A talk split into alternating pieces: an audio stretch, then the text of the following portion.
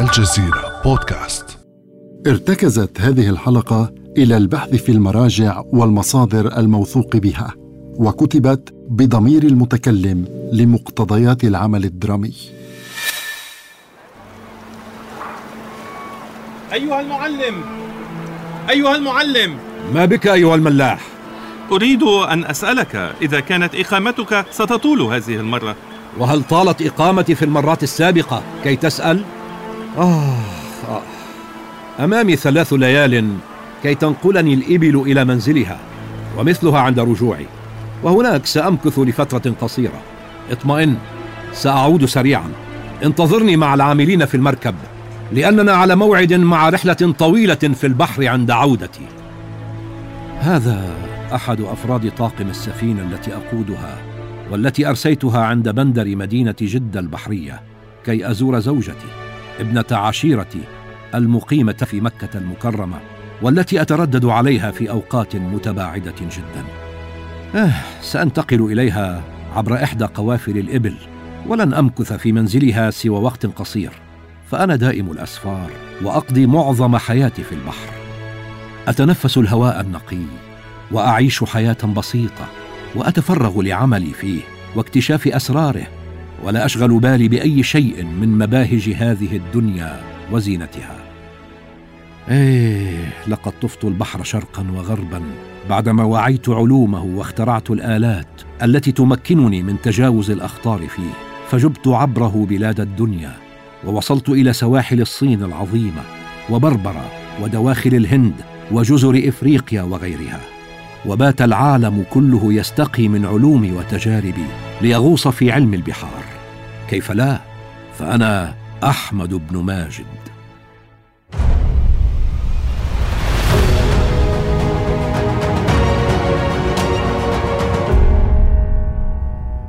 كونوا معي لتتعرفوا إلى ما حملته رحلتي التي دامت عشرات السنين. رافقت البحر واكتشفت أسراره وخبايا جغرافيته. تعرفوا إلى حياتي وإلى ما اكتشفته وابتكرته من أساليب في الملاحة البحرية. استمعوا إلى حكايتي في بودكاست رموز من الجزيرة بودكاست. أقدمها إليكم أنا محمد ويحدثكم أحمد بن ماجد بصوتي. وسترافقني في هذه الحلقة زينة. أهلا بكم أصدقائي. أنا فخورة بمرافقة المعلم في هذه الحلقة المميزة. ذلك الربان الذي يفتخر بعروبته وإسلامه.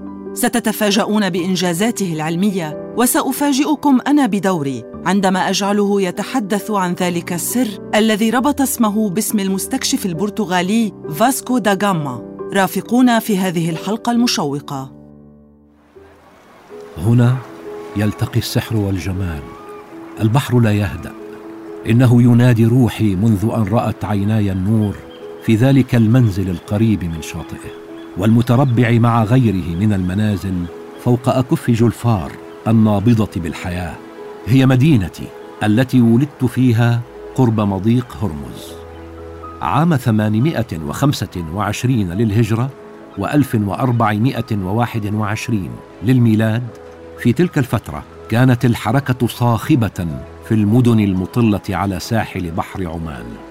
مراكب تروح وتجيء وتتوقف عند مينائها محملة بالركاب والبضائع.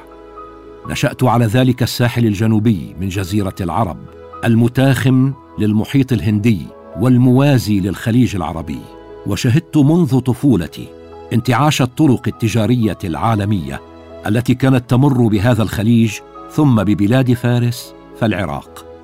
كنت أنظر إلى البحر صباح ومساء كل يوم فعشقته نفسي وتاقت إليه واندمجت معه. وكنت في معظم الأوقات أنتظر عودة أبي من رحلاته البحرية الطويلة. فوالدي ماجد كان ربانا معروفا وملقبا بربان البرين بر العرب وبر العجم. وقد دون خبراته في البحر عبر الشعر من نوع الأرجوزة فكتب واحدة سماها الحجازية ووصف في أكثر من ألف بيت شعر فيها الملاحة على سواحل البحر الأحمر. ولم يكن أبي وحده ملاحا في البحر بل كان جدي محمد أيضا. وفي الأصل عملت أسرتي منذ قديم الزمان في التجارة ونقل البضائع من مكان إلى آخر. ونحن نكنى بأبي الركائب وهي جمع الركاب التي تعني عند العرب الإبل التي تحمل ببضاعة لنقلها. فأنا أدعى أحمد بن ماجد بن محمد ابن أبي معلق السعدي بن أبي الركائب. وقبيلة السعدي التي أنتمي إليها هي قبيلة شهيرة من بني عدنان في شبه الجزيرة العربية. أمام هذا الواقع كله الذي أحاط بي منذ صغري لم أجد نفسي إلا وأنا أقوم برحلات بحرية طويلة وأنا لا أزال طفلا وأقود المراكب وأنا لا أزال فتى. وهل يعقل هذا؟ يبدو أن جلوسك الطويل أمام البحر قد أغنى خيالك وصرت تتخيل ركوبك على ظهور الإبل كأنه ركوب على ظهر المركب في البحر. لا يا زينة لا. لست أنا من يبتدع الأخبار. فمنذ نعومة أظفاري وأنا أعيش في ورع وتقوى والجميع يعرفونني بتديني وعفة نفسي ولم يلقبوني بشهاب الدين من فراغ. فشهاب يعني الحق وقوله. لا أستغرب أنك تفاجأت بما ذكرته عن رحلاتي في البحر. إنها الحقيقة. لقد انطلقت مع والدي في أولى رحلاتي الطويلة على ظهر مركبه وأنا في عمر العشر سنوات. فهو كان يدرك مدى شغفي بالبحر وطموحي للغوص في عالمه. فشجعني وصار يصطحبني بعد ذلك في كل رحلة يقوم بها. وأنا أتعلم منه خلال هذه الرحلات. وعندما بلغت السابعة عشرة من عمري أسند إلي قيادة المركب في رحلة استمرت عاما وكانت تحت إشرافه لكنه أيقن أنني على قدر المسؤولية. فتركني بعد ذلك أخوض غمار الرحلات البحرية لوحدي كقائد مركب وربان وكانت معظم رحلاتي بداية نحو البحر الأحمر والمحيط الهندي. الغريب أنه عندما قدت المركب للمرة الأولى رفض الكثير من البحارة على متنه الإبحار تحت قيادتي وواجهوا والدي قائلين له كيف سيقود السفينة وعمره لا يتجاوز السبعة عشر عاما؟ لكن والدي أصر على قراره. عند ذلك انطلقت السفينة وتوليت زمام المبادرة وكنت نعم القائد. أصبحت القائد. ولم أحصل على هذا اللقب فقط بل لقبت بالمعلم أيضا وبالرئيس المقدم حيث لا سلطة تعلو على سلطتي وجميع الربان والنواخذ يؤتمرون بأمري. كما لقبت بأسد البحر وبأستاذ فن البحر وبرئيس علم البحر وكذلك مهلا مهلا. فليلقبوك كيفما شاءوا ولكن لا يحق لك بلقب رئيس علم البحر. فأي علم هذا يرتبط بشخص لأنه أصبح باستطاعته أن يقود السفن وهو في سن السابعة عشره ألا تخجل بحملك لقبا كهذا؟ ولم الخجل يا زينة؟ لم الخجل؟ لم أحصل على ألقابي من سراب فأنا منذ نعومة أظفاري انكببت على تثقيف نفسي بما يخدم مهنة علم البحار. فتعلمت الحساب العربي والزنجي والهندي والصيني وحساب أهل جاوة. قد راح عمري في المطالعات وكثرة التسآل في الجهات وكم نظرت في الحساب العربي وحسبة الهند مذ كنت صبي. ولم أكتفي بتعلم الحساب فقط بل تعلمت الجغرافيا وعلم الفلك والتاريخ وامتلكت مهارات أدبية بالإضافة إلى اللغات المتعددة. فاستفدت من هذه الثقافة بقدر ما استفدت من تجاربي في الإبحار المتواصل في البحر الأحمر والمحيط الهندي وبحر الصين وغيرها. لأحقق الإنجاز تلو الآخر في علم البحار. ولعل أبرز هذه الإنجازات تطوير البوصلة التي كان الملاحون العرب يطلقون عليها آنذاك اسم الحقة. فأنا أول من وضع الإبرة المغناطيسية على محور حتى تسهل حركة البوصلة بدقة. وسأزيدك يا زينة بلقبين لي أيضا. فأنا لقبت برابع الثلاثة.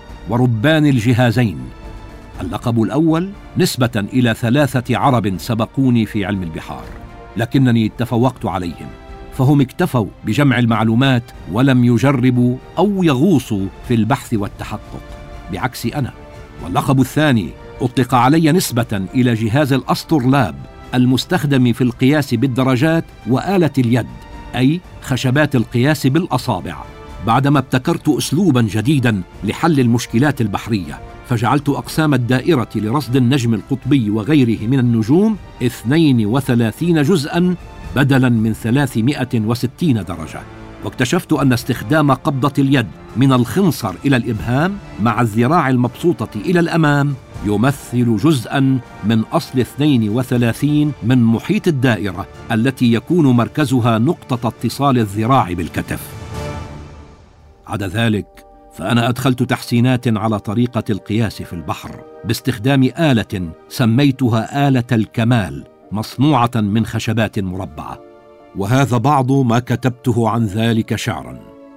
ثلث أصابع وافرة في الخشب وكل ما ينقص من الجاه احسبي زيادة البراق إصبع إصبعا بسدس إصبع قسته موقعا والبار لا نقص ولا زيادة. عشر فخذ من هذه الإفادة. لقد أبدعت في قياس ارتفاع نجوم الهداية بهذه الآلة وبالأسطرلاب بدقة كبيرة معتمدا على مبدأ التجريب وتكرار القياس إلى أن أحصل على نتيجة ثابتة وموثوقة. وهذا الأمر سهل السفر في البحر بأمان في أوقات الظلام. عملت بتصميم وإيمان لإنجاز هذه الخطوة وفي فكري وقلبي ترتسم الآية الكريمة من القرآن الكريم. بسم الله الرحمن الرحيم. وهو الذي جعل لكم النجوم لتهتدوا بها في ظلمات البر والبحر. صدق الله العظيم. لم تقتصر إنجازاتي على ذلك.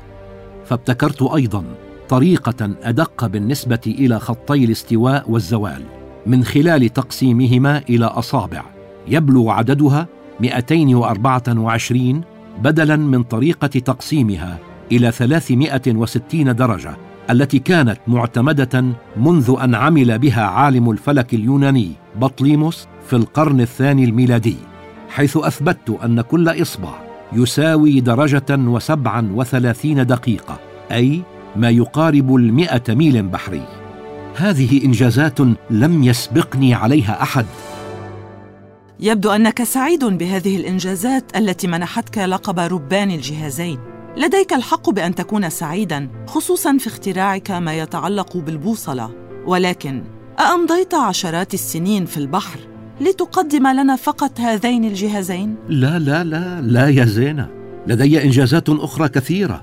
فأنا بالإضافة إلى استحداثي لأدوات ملاحية جديدة أسست قواعد في علم البحار الذي ظهر للمرة الأولى. من خلال ما أنجزته من الناحية التقنية التي يحتاج إليها كل ملاح في خلال سفره أو عند دخوله الموانئ مستندا إلى تجارب عملية كنت أمر بها في كل رحلاتي البحرية. فركزت على أوقات غلق البحر وفتحه. ففي الحالة الأولى يكون خطر الإبحار مرتفعا بسبب الرياح الشديدة والأمطار الغزيرة والتيارات المائية العاتية. ويستمر هذا الإغلاق لثلاثة شهور. يحظر خلالها على البحارة السفر. وفي الحالة الثانية ركزت على مسألة تألق البحر ولمعانه في الليل حيث يكون خطر الإبحار مرتفعا أيضا بسبب وجود المطر الخفيف ولأن الرؤية لا تكون واضحة ما بين صفحة الماء والأفق حتى يقيس الملاح ارتفاع النجوم بالإضافة إلى وجود ثعابين البحر في هذه الحالة. كنت في كل رحلاتي البحرية أنظر وأنصت إلى كل شيء وأقدره بدقة وبعدها أقرر ما هو الضروري لاعتماده متخذا من معلوماتي العلمية المرجع الاساسي في خياري. لذلك لم يكن مستغربا أنني كنت أول من وصف السحائب الكبرى والصغرى الجنوبية بدقة ووضع تفسيرا منطقيا للمد والجزر وهبوب الرياح. وقد أجريت ابحاثا عميقة عن السنين الشمسية والقمرية وزيادة الليل والنهار وعن حلول الشمس في الأبراج والأيام والساعات والدقائق وعن منازل القمر وعلم مجاري الكواكب. بالإضافة إلى كل هذه الإنجازات وضعت تعريفا لمفهوم المياه الإقليمية يقول إن البحر لا يتبع لأهل الصين والهند والإفرنج والفرس وغيرهم. وإن كل بلد له امتداداته الجغرافية في البحر لمسافة معينة. فحددت امتداد مياهه الإقليمية إلى الحد الذي يغيب فيه ساحله عن بصر الملاح وهو يبحر بمركب شراعي مبتعدا عن البر. ولم أستثن مما وضعته من أسس في علم البحار القواعد المتعلقة بربان السفينة. إذ إن من الضروري أن يكون اولا قد حصل قدرا كافيا من علوم الفلك وفن الملاحة وأن يواصل التعلم والتدريب على الدوام في هذا المجال. أما عن صفاته الشخصية فعليه أن يكون شجاعا قوي البنية مطاعا صبورا عادلا حازما رفيع الأخلاق طاهر البدن والروح وأن يذكر الله عز وجل ويمتلك إخلاص النوايا وطبيعة لينة. وهل نيتك المخلصة وطبيعتك اللينة يا معلم؟ هما اللتان جعلتاك تدل المستكشف البرتغالي فاسكو دا غاما إلى طريق الهند وتصطحبه إلى تلك البلاد. ألم تندم على فعلتك هذه بعدما قام البرتغاليون بمهاجمة السفن الإسلامية وطرد العرب من المراكز التجارية الهندية والإفريقية منذ وصول داغاما إلى هذه البحار تمهيدا لغزو منطقتنا؟ هل تتهمينني بأنني تآمرت مع البرتغاليين لاحتلال بلاد العرب؟ وهل تتصورين أن أحمد بن ماجد المنتمي إلى جذور عربية أصيلة والمؤمن الذي يخاف الله ويعتز بإسلامه سيسمح للإفرنج بأن يعيثوا فسادا في مناطقنا من جديد؟ لا لا يا زينة. هذه الأخبار كلها مدسوسة فلست أنا من ساعد البرتغاليين لتحقيق أطماعهم. فهم كانوا قد بدأوا استكشاف ساحل إفريقيا عام 1419 للميلاد أي قبل ولادتي بسنتين وكان هدفهم الوصول إلى طريق بحرية لتكون مصدرا لهم في تجارة التوابل. كانت لديهم أطماع في السيطرة على التجارة العالمية لذلك استمروا في الاستكشاف. ووصل أحد المستكشفين عندهم بارتولوميو دياز إلى منطقة رأس الرجاء الصالح الإفريقية عام 1488 للميلاد وأكمل عنه المهمة فاسكو دا جاما فواصل الإبحار بمحاذاة الساحل الشرقي لإفريقيا وصولا إلى المحيط الهندي فالهند لتحقق بلاده بعدها أطماعها وعلى رأسها جلب الثروات من تجارة التوابل. لقد كان وصول داغاما إلى الهند عام 1498 بعد انطلاقه برحلته الاستكشافية هذه قبل عام. فكيف سألتقي به؟ وأنا كنت قد توقفت عن ممارسة مهنتي وعن الإبحار عام 1490 وقد ذكرت ذلك فيما كتبته من شعر في تلك الفترة. حتى إنني كتبت أبياتا أخرى عام 1494 ذكرت فيها أنني طعنت في السن وأشعر بدنو أجلي. عدا ذلك فدجاما وفي خلال رحلته الاستكشافية تلك عمد إلى تدوين يومياته وكان حريصا على التطرق إلى كل صغيرة وكبيرة فيها فدون جميع التفاصيل التي أحاطت به. فذكر ما واجهه من تحديات ملاحية وتحدث عن الناس الذين صادفهم وعن ألقابهم ومهنهم والأمراض وأسلحة الحرب وعن الأطعمة والنباتات والحيوانات والأحجار الكريمة وغيرها من الأمور. ولم يشر إلي لا من قريب ولا من بعيد. فكيف أكون أنا الذي ساعدته في الوصول إلى الهند؟ هو لم يشر إلى أنه التقاك. ولكنك أنت أشرت إلى ذلك. ألم تلتقي به في ماليندي الواقعه على السواحل الشرقية لإفريقيا قبل أن تصطحبه إلى الهند؟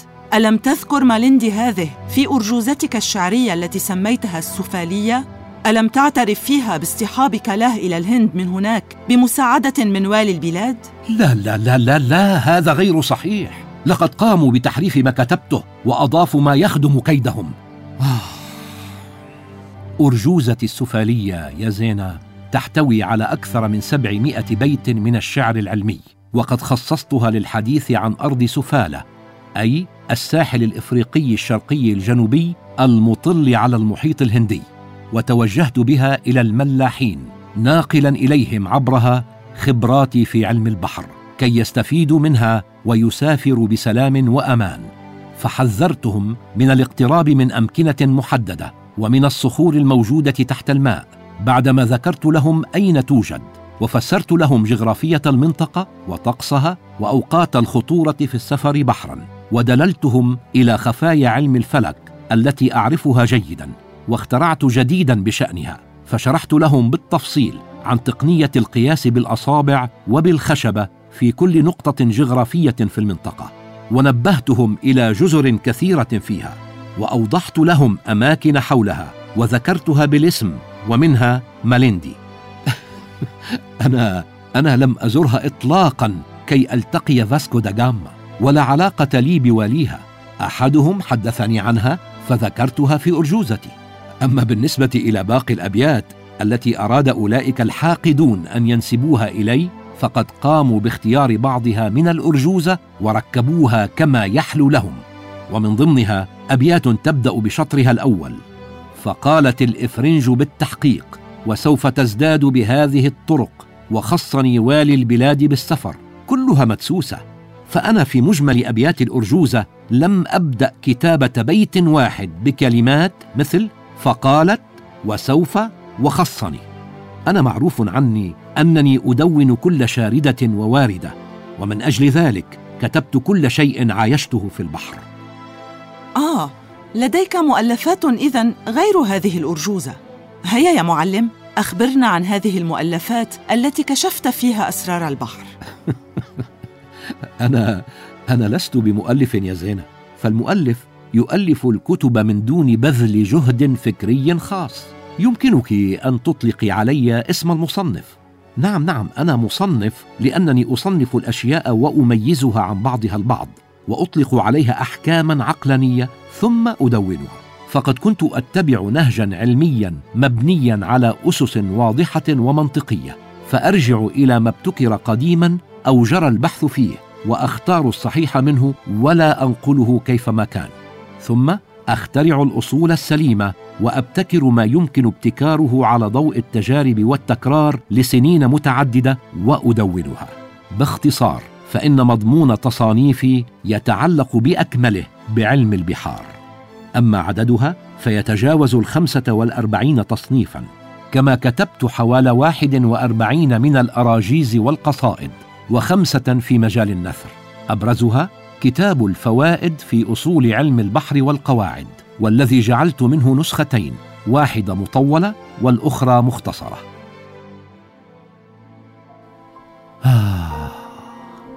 الآن في عام تسعمائة وستة للهجرة وألف وخمسمائة وواحد للميلاد أكتب آخر قصيدة لي فهي قصيرة مخمسة. كنت ملحا فيها على من سيأتون بعدي بضرورة تصرفهم بحكمة في البحر. وهكذا رحل أحمد بن ماجد في ذلك العام عن عمر بلغ الثمانين تاركا وراءه ارثا علميا وحضاريا لا يمحى في تاريخ الإسلام والعرب.